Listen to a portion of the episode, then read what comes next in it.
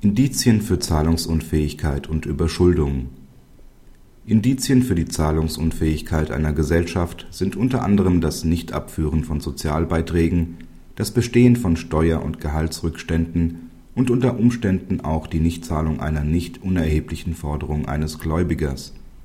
Die insolvenzrechtliche Überschuldung der Gesellschaft wird durch das Vorliegen einer handelsbilanzrechtlichen Überschuldung indiziert nach § 17 Absatz 2 Satz 1 Insolvenzordnung ist ein Schuldner zahlungsunfähig, wenn er nicht in der Lage ist, die fälligen Zahlungspflichten zu erfüllen. Das Bestehen einer Zahlungsunfähigkeit wird durch das Nichtabführen von Sozialversicherungsbeiträgen über ein halbes Jahr ebenso indiziert wie durch das Bestehen von Steuer und Gehaltsrückständen. Gleiches gilt, wenn ein Schuldner gegenüber einem einzigen Gläubiger, dessen Forderung insgesamt eine erhebliche Höhe aufweist keine Zahlungen erbringt.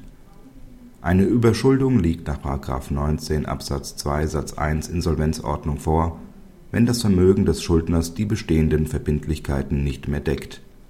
Ist die Handelsbilanz falsch und liegt tatsächlich eine Überschuldung im handelsrechtlichen Sinne vor, gilt die unrichtige Handelsbilanz auch als Indiz dafür, dass eine Überschuldung im insolvenzrechtlichen Sinne vorliegt.